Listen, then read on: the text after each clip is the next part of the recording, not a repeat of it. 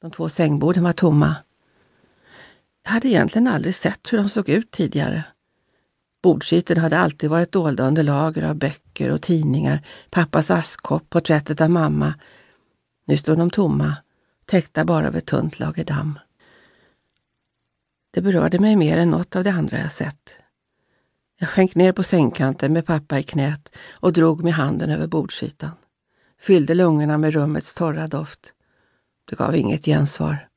Här fanns ingenting kvar av pappa. Jag insåg att han flyttat ut för gott. Liksom flytten hit hade flytten härifrån varit noga planerad och genomförd. Helt bortom min kontroll eller medverkan. Det hann inte ens fram innan han dog. Kanske var han redan död när jag fick meddelandet.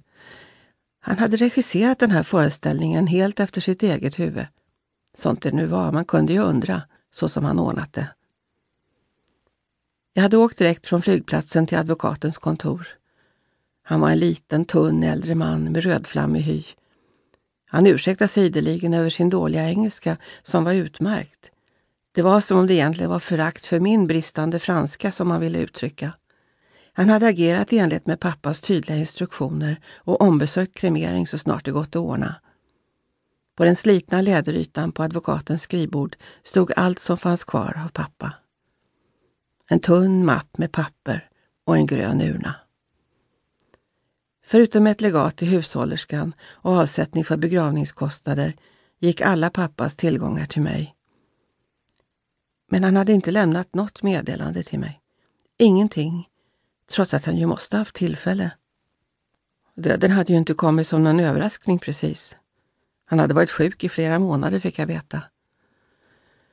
Där jag satt mitt emot advokaten i det instängda lilla kontoret kom en känsla av overklighet över mig, som om jag kunde se mig själv ovanifrån.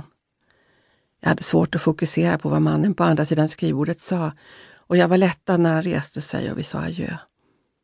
Han uppmanade mig att kontakta honom om jag behövde hjälp med något och pekade sen på urnan och nickade åt mig att ta den med mig. Och så stod jag plötsligt på trottoaren utanför med pappa i famnen. Jag försökte tänka efter när jag senast besökt pappa i Paris.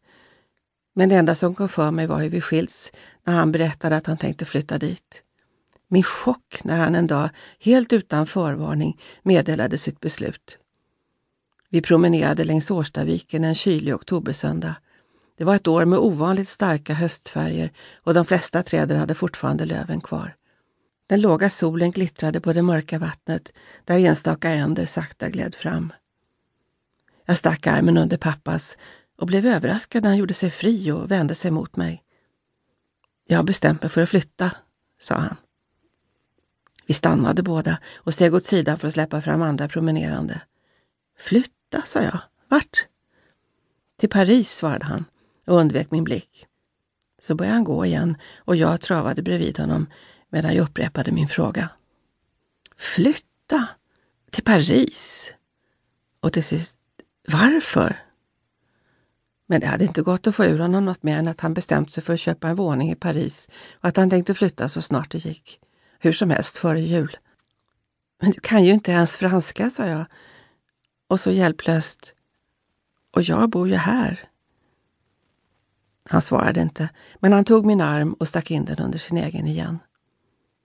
Hur jag än försökte övertala honom att ändra sig och så småningom försökte få honom att åtminstone förklara sig, fick jag aldrig ur honom något mer. Och han ändrade sig inte. En månad senare hade han köpt våningen på Rydesen och sålt huset i Enskede. Det tog nästan två år innan jag besökte honom första gången. Han kom inte till Stockholm det första året och han blev kvar i Paris den julen. Jag hade träffat Helena då och vi firade jul med hennes familj. Jag kunde inte minnas att jag tänkt på pappa särskilt mycket eller undrat hur han hade det. Det var ju trots allt hans beslut och jag hade fortfarande inte riktigt kommit över chocken. Eller kanske var det så att jag så småningom motvilligt accepterat hans beslut och att chocken övergått i en sorts sorg och en vag men konstant känsla av besvikelse. Det hade känts som ett svek. Han hade ordnat det som han ville ha det, utan att fråga mig. Den gemenskap som förenat oss efter att mamma hade gått bort tycktes ha upplösts.